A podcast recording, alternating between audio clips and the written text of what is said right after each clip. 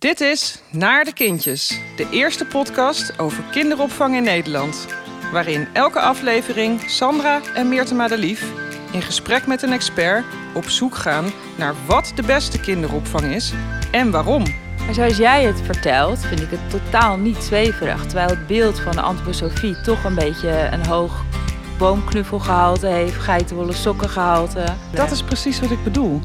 Ja, dus dat woord antroposofie dat heeft misschien een bepaald stempel of een bepaald beeld, maar... Ben je de enige in Nederland met een antroposofische kinderopvang? Nee, er zijn er hartstikke veel.